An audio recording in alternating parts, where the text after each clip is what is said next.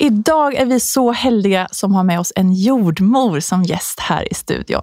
Och för våra svenska lyssnare så betyder jordmor barnmorska. Stine från Oslo jordmor och ultralydsklinik är här och hon ska svara på era lyssnarfrågor, våra frågor och vi ska få massor med goda tips gällande allt som har med förlossning och graviditet att göra. Och Marie, du är med på länk idag. Ja, jeg er her, jeg. I gode onda dagar. dager. Eh, nå var det min tur til å få denne kjedelige koronaen. Så jeg eh, holder meg godt her hjemme uten å skal smitte dere. vi er veldig glade at du er med på lenk. Du lyssnar på Momlife Podcast med meg, Maria. Og meg, Maria.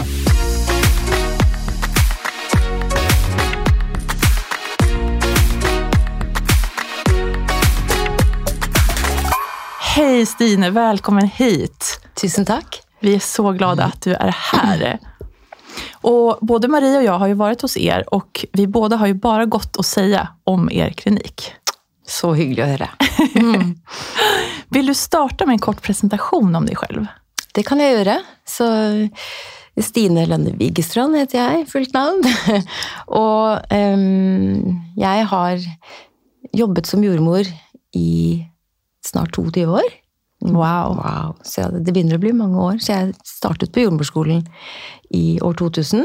Og så klarte jeg å få et barn i løpet av den studietiden der, så jeg var ferdig rundt ja, midten av 2002.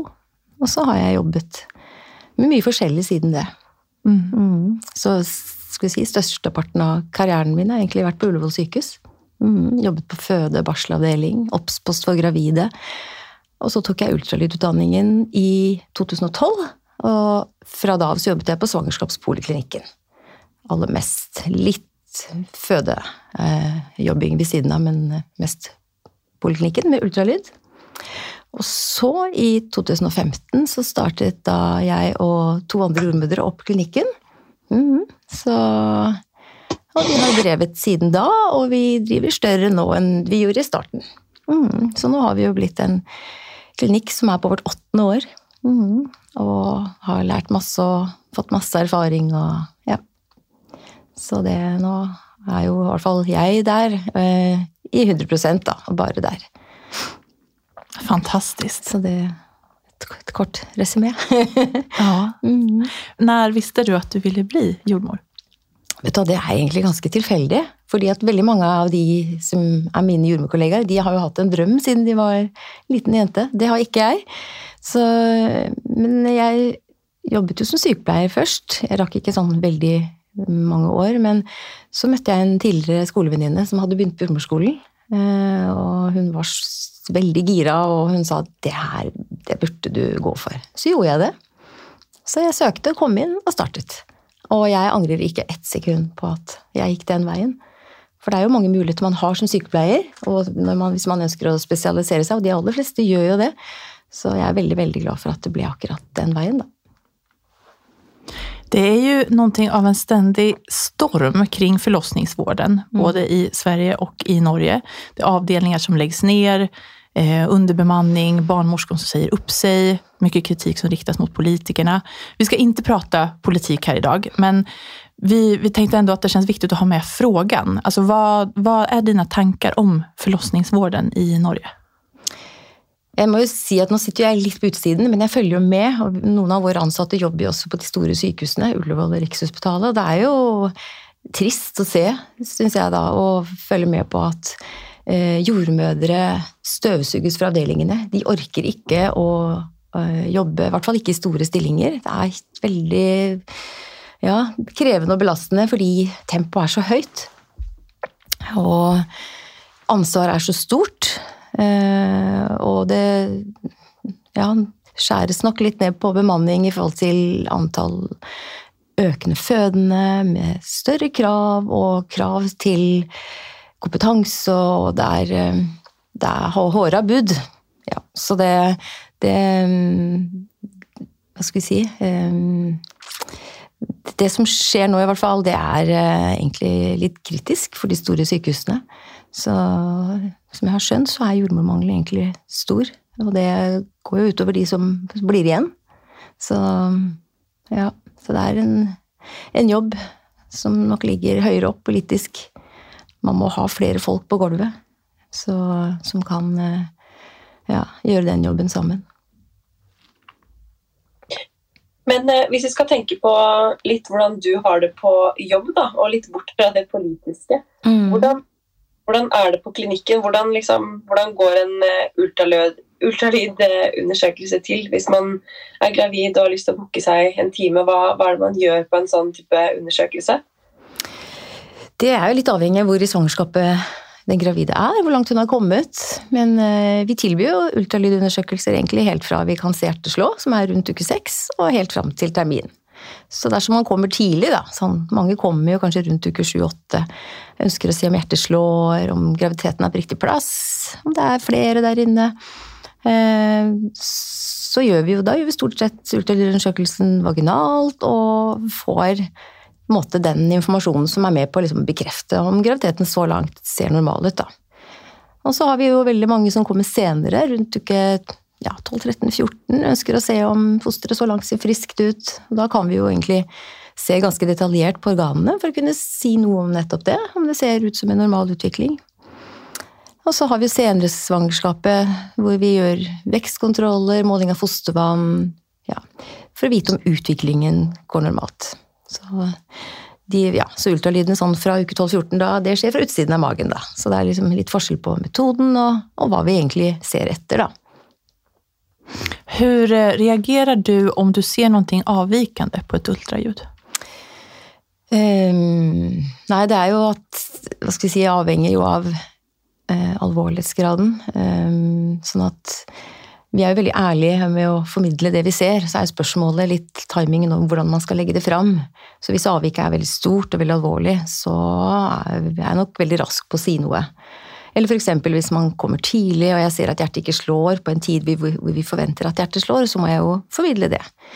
Så, så har vi mindre alvorlige avvik, på en måte, som, så må vi jo formidle det om. Da kan man kanskje vise fram babyen litt først. Så det er veldig avgjørende, egentlig.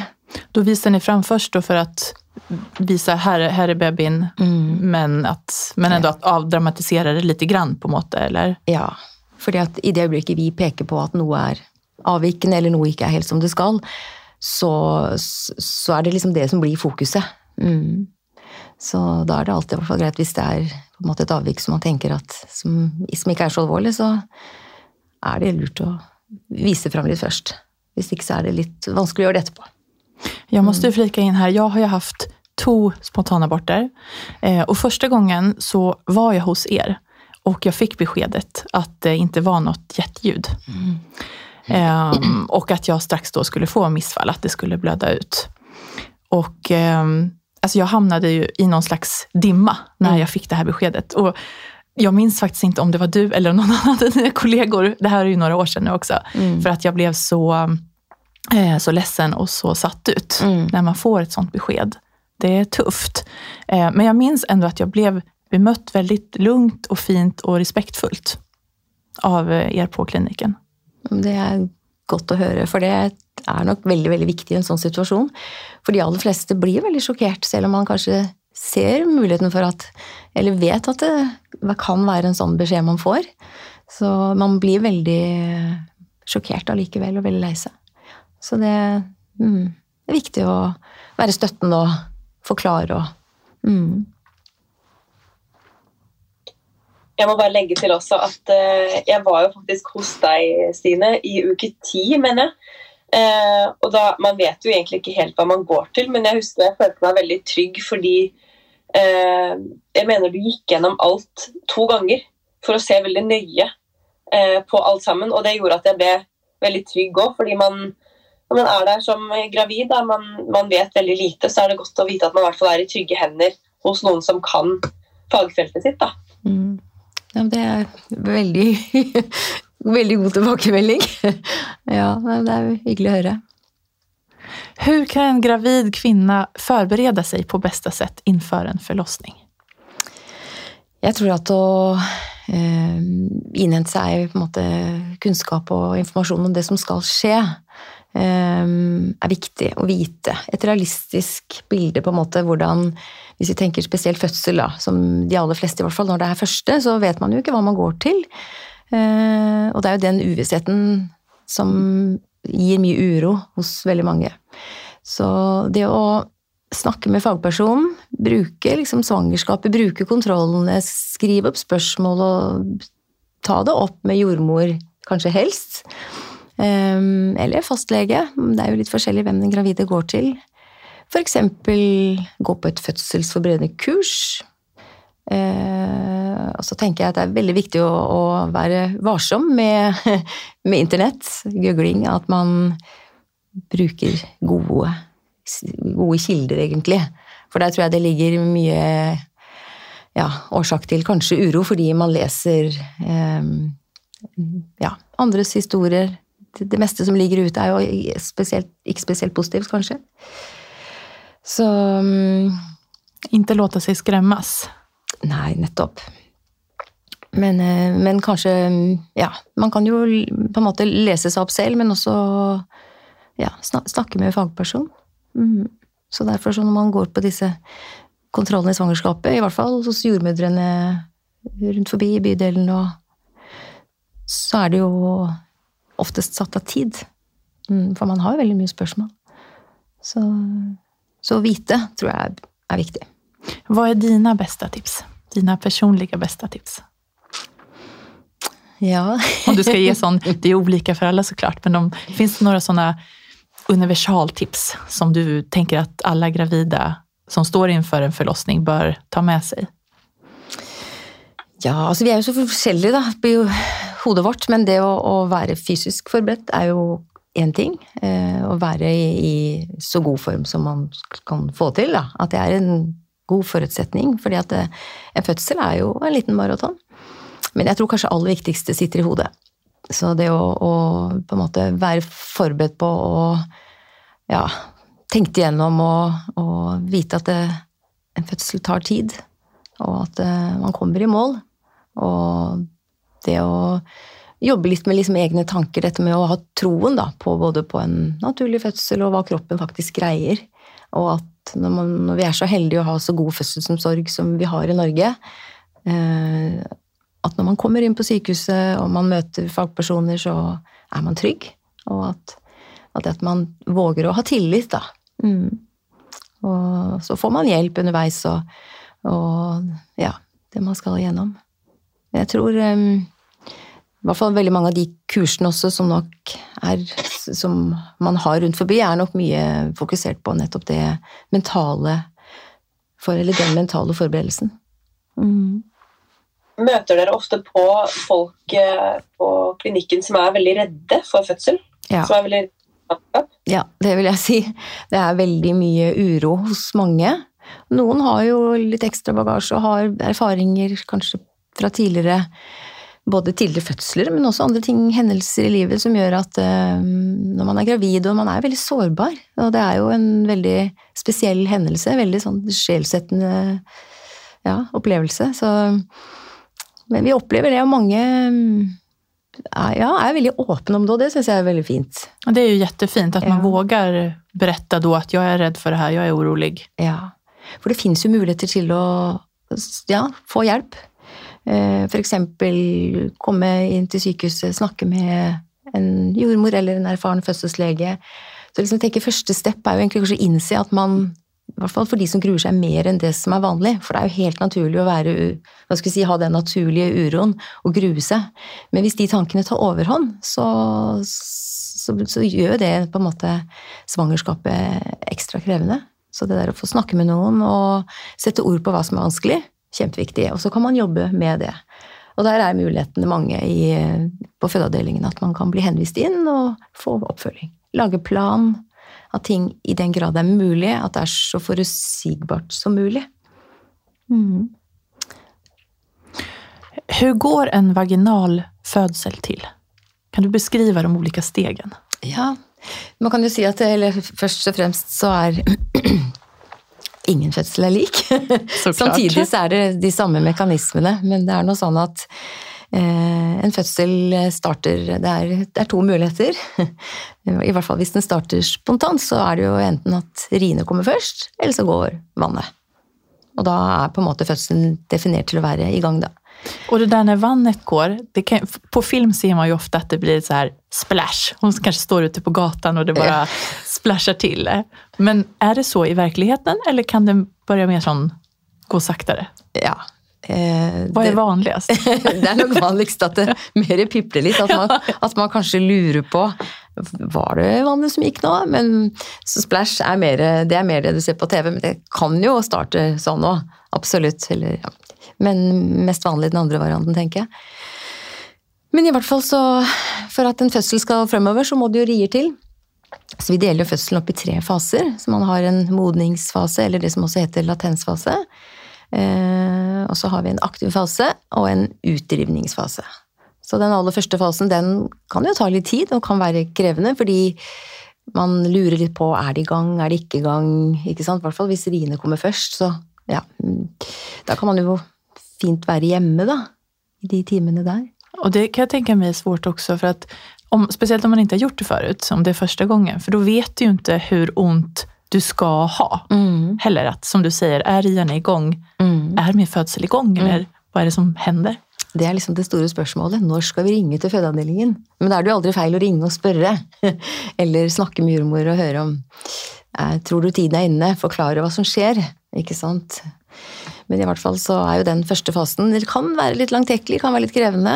Og da er man som sagt hjemme, og når fødselen er aktivt i gang, det er jo da det begynner å intensivere seg litt med tanke på, på smerter og Ja. Og da er de aller fleste godt innlosjert på fødestua.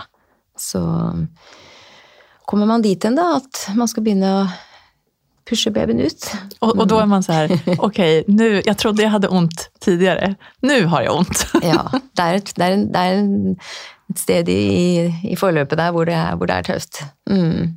Men eh, da er man jo nærme. Mm. Så da øker jo oftest for veldig mange motivasjonen om at nå er det ikke så veldig lenge til jeg skal få møte denne babyen. Så, nei, så den siste fasen også, den er jo veldig tidsbegrenset, da. Så når man skal trykke ut babyen, så er det, har man liksom en time og halvannen på seg. Og da ser man målstreken, i hvert fall. Mm, ja, for det skal ikke ta lengre tid enn så. Nei. Sånn, nå er det, jo, det handler jo om på en måte hvordan babyen har det, og hvordan babyen tåler riene, og hvordan mor har det og sånn, så Men eh, det er en tidsbegrensning på det, ja. Mm. Jeg har et spørsmål. Mm. Jeg vil jo si at min eh, Jeg har hatt én fødsel, og fra riene bytte til babyen var ute, så gikk det ca. ti timer. Så jeg, jeg vil jo selv si at det gikk ganske fort. Mm. Um, og så er det liksom alltid spekulasjoner sånn, ja, hvis man får et barn Noe av det første de sier på eh, på eh, på, eh, ja, på føden der, så sier de sånn Ja, neste gang går det enda fortere, sier de. Mm. Er det liksom er det, Kan man liksom si noe om det? Absolutt. Ja. Absolutt. Så det vi ser, og det gjelder jo egentlig generelt for, for alle de som har hatt minst én vaginal fødsel, da, så går det ofte mye raskere med den eller de som kommer etter, og det er jo greit å være klar over. Så, og det er noe med at den, det første barnet baner jo litt veien, så det gjør det enklere for, for de som kommer etter. Så det går mye raskere. Mm. Jeg har født två barn, både vaginalt. For meg tok tog det omtrent like lang tid. Ja, det gjorde det. Jag, ja, jag trodde ju att det skulle gå raskare. För Mm. som du säger, jag hade ju hört det och jag har vänner som det har gått väldigt snabbt för. Men eh, för mig tog det ungefär lika lång tid. Mm. Men hadde du keisersnitt først? Nej, båda vaginala. Ja. Men Maria, tror du ikke det var fordi du var, måtte være alene nå på nummer to? Kan det ha, ha, har omständigheterna någonting att säga här? Att det tog längre tid? Men det kan också säga, hon kom ju väldigt, hon, hon kom ju för tidigt. Hon kom i vecka 35 plus 6, ja. mitt andra barn. ja. Har det någonting att säga kanske? Nej, Nej? Sannsynligvis ikke. Men det er jo flere faktorer som egentlig som kan påvirke en fødsel, selvfølgelig. Og det er jo altså Én ting kan jo være størrelse, og det, da var vel kanskje barnet ditt ikke sånn veldig stort på det tidspunktet. Og så er det jo liksom den prosessen med rotasjoner gjennom bekkenet, og hvordan det skal liksom skru seg ned og komme ut. Var riene gode nok? Så det er mange, det er mange faktorer som påvirker, da. Så, men det er jo interessant det da, om, som du sier, dette med omstendighetene, om at du var alene, og om liksom, det å føle seg trygg og ja, kanskje ikke så trygg som du burde ha vært? Som jag borde. Nej, jag tycker ju Mm. efterhand att jag var ju så väl omhändertagen. Och jag hade en fantastisk barnmorska där som höll mig i handen. Det har jag berättat om i et tidigare poddavsnitt här i min sån förlossningshistoria. Så jag var ju på något måte trygg, men det är klart, min man var inte där. Så det, det är klart att, och jag hade ingen bedövning heller. Så, så det var ju, det, jag var ju lite mer utsatt. Mm. Man kan tenke kanskje at det kan ha påvirket, i hvert fall. Intressant. Ja. Eh, hur går et keisersnitt kejsarsnitt till? Vill du berätta litt om det? Ja, det er litt avhengig av om det er et planlagt keisersnitt, eller om det er et akutt keisersnitt. Så det er jo på en måte samme man gjør, men det er klart, hvis det er et planlagt keisersnitt, så har man tid, og, og man, alt går rolig for seg, og så det det blir jo en annen setting enn om man har dårlig tid, og det er jo ulike årsaker til at man får dårlig tid hvis man trenger å gjøre et keisersnitt i løpet av en fødsel. Da er det ofte at det haster at barnet må fort ut. Mm. Så da vil det jo være mm, forskjellig hva slags type mm, bedøvelse mor får. Så hvis det haster veldig, veldig, så må hun jo i narkose, sove, og vil jo ikke være våken, og ikke vil være våken når babyen kommer. Eller om man gjør det i et litt mer mm, hva skal vi si, rolig tempo, eh, så vil man ofte få spinalbedøvelse i ryggen og være våken og få med seg det hele. Så mm, ja, Men ellers så er det jo det samme man gjør, da. At man ja, er på operasjonsstuen med et kjempestort team rundt seg. Og at man eh, henter ut dette barnet, da. Ved å rett og slett legge et snitt langt nede ved mm, Egentlig ved bikinikanten. Mhm. Ja, vid bikinikanten. Mm. Bikini. Jeg har alltid tenkt at det er på magen. Ja, nei, det er ganske langt ned, og det er jo Altså, det er jo at man går på en måte inn der det er hensiktsmessig i forhold til hvor livmoren er, og lager snittet så lite som mulig, egentlig. Mm. Hvor langt er det? Nå går jeg inn på detaljer der, men hvor mange centimeter kan det være? Ja, si det. Ja, Nå Hva Stine her. Hva er det? En decimeter kanskje? Ja, litt mer. Ja. Men man må tenke at man skal i hvert fall få løse s- ja, hodet kanskje først ut. Det spørs jo litt hvordan baby ligger, men man lager det ikke større enn det man trenger. Mm, med tanke på arrvev og tilheling, og at det selvfølgelig også estetisk skal være minst mulig. Mm. det er mulig å skjære opp. Altså, jeg har sett en sånn um, 3D-video hvor, eh, hvor det bare er tegnet opp da, og illustrert hvordan man faktisk gjør det. Og det er jo helt sinnssykt at det er mulig å få en liten baby ut der. Mm. Eh, sykt å se hver gang. Ja. Og det er noen lag ned dit før man kommer til livmoren. Mm. Så Det var det jeg så. Ja. At man ikke redd for hodet, tenker jeg. Mm. Ja, det er fantastisk at muligheten finns. Mm. Det er det. Som du sier, både for planlagt akutt eh, akut. Vi tänker ju alla på situationen i Ukraina just nu. Eh, och vi har sett bilder och filmer på både kvinnor som föder barn och nyfödda som ligger uppradade i de här skyddsrummen. Mm. Och det är jo omöjligt för oss som tack och lov inte har varit i en sån här farlig situation att föreställa sig känslan. Men vad tänker du gällande traumatiska förhållanden under en förlossning? På, tenker- på denne nivåen.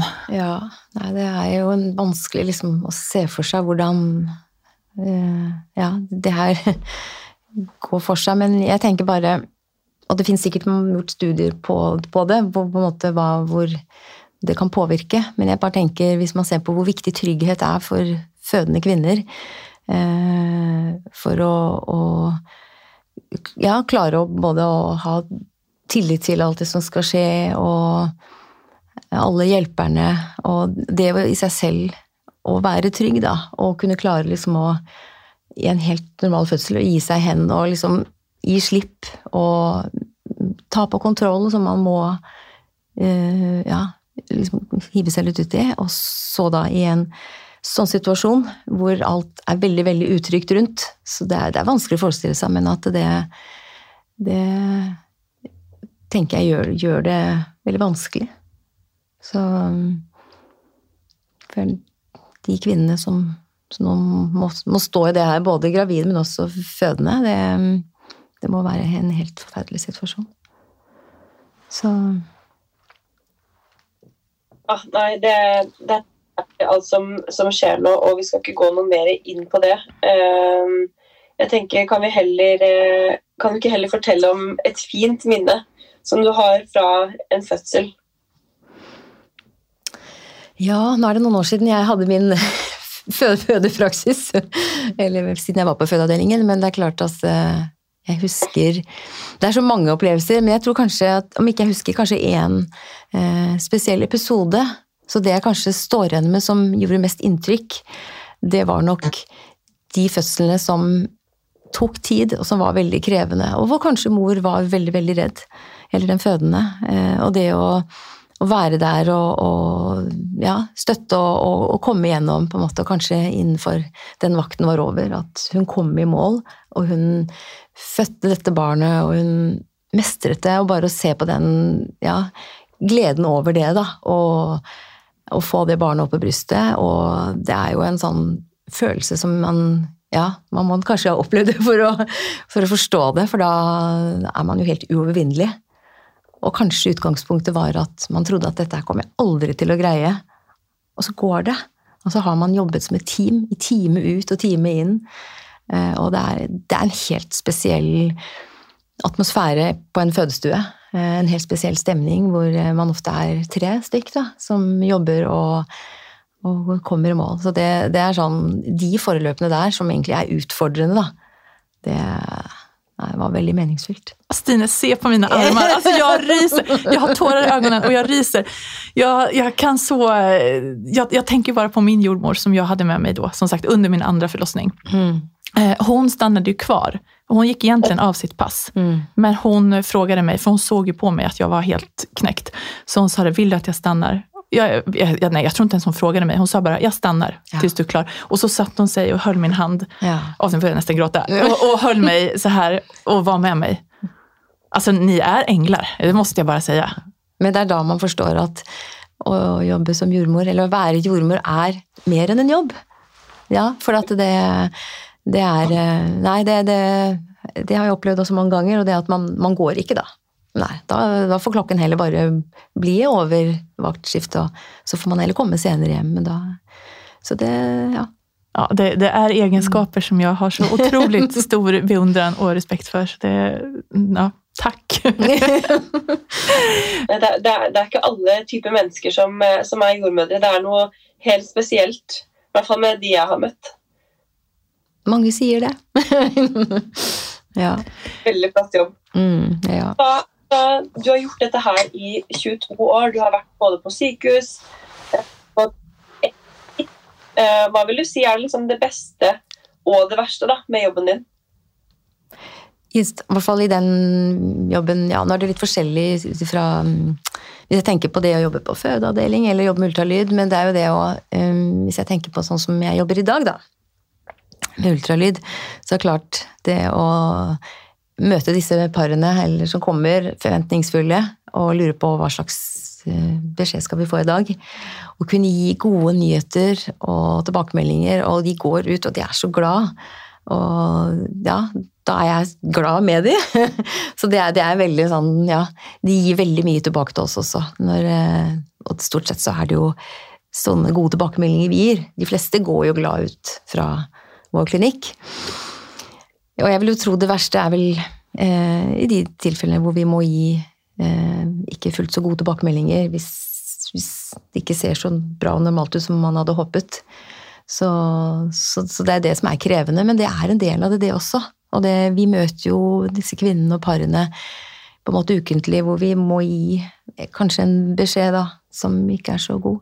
Så og vi opplever også at mange Ja, det å bli eh, snakket ordentlig med og blir fulgt opp, og vi pleier ofte å sende en melding, ringe i etterkant og høre hvordan går det, hvordan gikk det på sykehuset. Og at det betyr så utrolig mye for dem. Sånn at oppi alt det som er trist og leit når ikke ting går sånn som forventet, så, så blir det noe fint oppi det hele allikevel, egentlig. Så, mm. det er utrolig fint at dere følger opp på det mm. settet. Det har vi gjort i alle disse årene, og det, det bare får vi en bekreftelse på egentlig helt, ja, nesten daglig med at det så bra at dere gjør det. Fortsett med det. Så mm. Vi har jo fått inn eh, en hel del eh, frågor från våra lyssnare också. Mm. Så nu tänker vi att vi kör igång med dem. Eh, första frågan är, hur finner du ut termindatum efter en spontanabort? Godt spørsmål, for det kan jo være litt vanskelig. Så mm, vi har jo en del av de kvinnene som kommer til oss. Altså, vi spør jo alltid etter siste menstruasjons første dag for å beregne terminnegel, som er den utregningen som vi først og fremst kan gå etter. da. Men ikke, når man ikke har noen dato å gå etter, så må vi jo prøve å tenke litt sammen og regne litt, og kanskje prøve å Kanskje kvinnen vet sånn cirka når hun ble gravid, kanskje hadde hun noe tegn på eggløsning, ubehag. Men så er det liksom til syvende og sist ultralydundersøkelsen da, som eh, gir oss den informasjonen, egentlig. Mm. Så noen ganger så er det vanskelig. Men man kan også, jeg vet noen regner etter når eh, man hadde spontanaborten, at man regner det som en sånn slags siste menstruasjon, men den er vel kanskje heller litt usikker. Men vi prøver egentlig å bare å, å um, ja, komme fram til sånn, sånn roughly, da. Hva, men det er, det er ikke enkelt. Det, svaret får man når man gjør en ultralydundersøkelse, så kan vi jo måle eh, Hvis det er kommet så langt at vi har et embryo å måle, så vil jo vi få en presis eh, lengde på svangerskapet og termin. Eller så Hvis det er kommet for tidlig til å måle noe, så kan vi måle fostersjekken. Så vi har noen parametere å gå etter. Vi har litt å gå etter. Ja. Det er noen som spør eh, vaginal fødsel etter keisersnitt? Spørsmålstegn. Ja. det er, eh, om det er mulig. Det er mulig. Det, vi har noen retningslinjer eh, på det i Norge. Jeg tror det gjelder generelt for de aller fleste sykehusene. Og det er at når man har hatt ett tidlig keisersnitt, så er det trygt å føde vaginalt neste barn. Men i det øyeblikket man har to tidligere keisersnitt, så anbefaler man ikke å føde vaginalt. Og det handler om at man ikke tenker at det er gunstig for livmoren å ha rier, sammentrekninger. Fordi det blir jo et relativt stort arbeid i livmoren etter et keisersnitt. Så, men etter ett så er det på en måte Da er det greit. Men den fødende da i så fall overvåkes veldig nøye. Un, I en ja, egentlig hva skal vi si, mer eller mindre hele fødselen, i hvert fall i den aktive fasen. Så det er sånn som vi stort sett gjør det. Vid vakuumfødsel på nummer ett, er det forhøyet risiko å få det igjen på barn nummer to? Det vil nok avhenge litt av hva som var årsaken til at barnet ble forløst med vakuum. Så det er jo Det vi vet, er jo at førstegangsfødende, sånn andel sånn prosentvis vakuum, det ligger mellom 15 og 20% så det er jo ganske mange. Mens for flergangsfødende så ligger det mellom 1 til 3% Så det er mye, mange færre, da. Så, så spørsmålet er jo selvfølgelig var årsaken et veldig stort barn? Var det hva skal vi si, ufullstendige rotasjoner, eller at babyen bevegde seg litt ugunstig ned i bekkenet? Var det dårlige rier? Så det er, det er mange ting som påvirker. Så det, så det trenger jo ikke ha noe gjentakelsesrisiko, men mange lurer jo på det. Fordi man ønsker seg jo helst ikke det.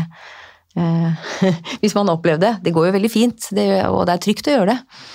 Men eh, vanskelig å si kanskje om det er en gjentagelsesrisiko, men i hvert fall så, i så fall, hvis det er det, så er det nok veldig lav. Mm. Mm. Da er det noen som spør eh, hvor lang tid etter fødsel kan man regne med at kroppen er tilbake til normalen? Det er veldig individuelt. Nå regner man jo, eller beregner barseltiden til de første seks, seks første ukene etter fødsel. Så veldig mye på en måte vil jo, hva skal vi si, gå liksom tilbake da, til mer eller mindre til normalen. Hvis vi tenker for at renselsen tar seks uker, livmoren er tilbake til sin normale form. Eh, Men, men sånn generelt så tenker jeg det har nok også med hvordan utgangspunktet var før man fødte. Hvilken hva skal vi si, tilstand, om man var i veldig god form, eller kanskje ikke fullt så god form. Så det er veldig, veldig forskjellig. Men jeg tror det er viktig å tenke over at det, å komme liksom tilbake der man var, det, det kan ta litt tid, altså. Så mm, at man ikke blir har for høye forventninger eh, og krav til at, det liksom, at man skal være inni de gamle klærne etter sånn og sånn. Så Men la oss i hvert fall tenke de første seks ukene, og så kanskje et, ja, mot det første halve året, kanskje. Mm. Spørs jo kanskje hvor raskt man klarer å oppta hvis man gjenoppta trening, og hvor aktiv man kan være. Og... Så det er nok mange ting som påvirker det. Mm. Det, här är, det här har Maria och jag pratat tidigare om i podden och det känns som att ett ämne vi kommer tillbaka till ganska ofta. Mm. Att eh, vad, vad, är normalt när man säger att man ska tillbaka till normalen? Mm. För det är också att man har fött barn, eh, tiden går, alltså man utvecklas ju hela tiden också så att man inte har vi brukar försöka säga det till våra lyssnare att man inte ska ha för stora eh, förväntningar, eller vad jag ska säga, utan att tänka att det är okej, det är normalt att, mm. att låta det ta lite tid. Mm. Det tror jeg er veldig viktig och, at man formidler ut. Mm. Ok, og så eh, er det et siste spørsmål her. Um, en som lurer på hvorfor man bør vente et år med en graviditet før man blir gravid på nytt. Det er vel kanskje en ting som man har sett på, da, um, sånne studier som er gjort, og det er at det er noe økt risiko for å føde prematurt. Um, Eller så er det vel kanskje en oppfatning om at en kvinne som har vært gravid og født et barn, hun trenger tid for å hva skal vi si, si det på godt norsk, komme seg litt i hektene igjen. Så det er jo en ganske krevende prosess å være gravid, og kanskje det også har vært en ammende kvinne. Eh, eh, også ikke bare, ikke bare, det fysiske, men også det å, å, å bli gravid og ha et veldig lite barn, eh, og gå inn i en ny graviditet og en ny fødsel, og det å oppi alt dette skulle være foreldre. Så det er mange ting som spiller inn, da. Mm.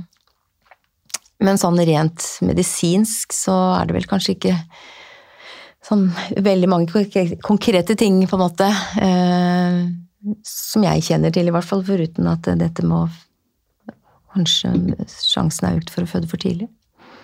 Men eh, at man trenger tiden, da, også. Imellom.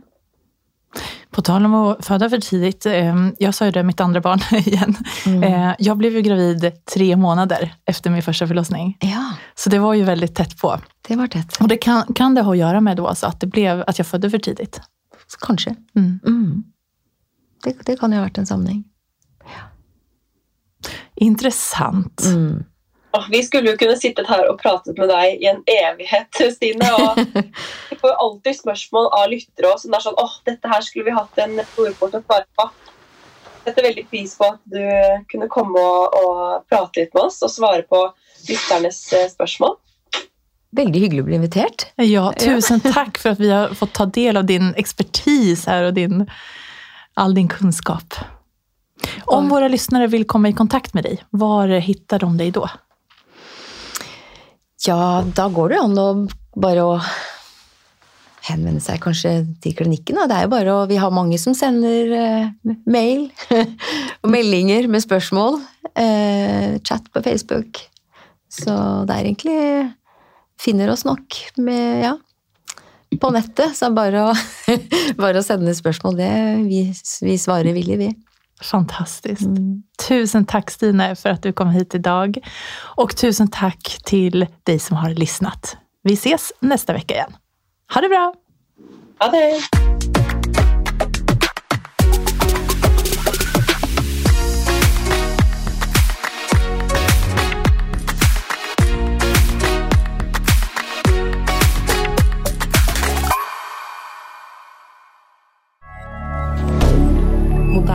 Twitter.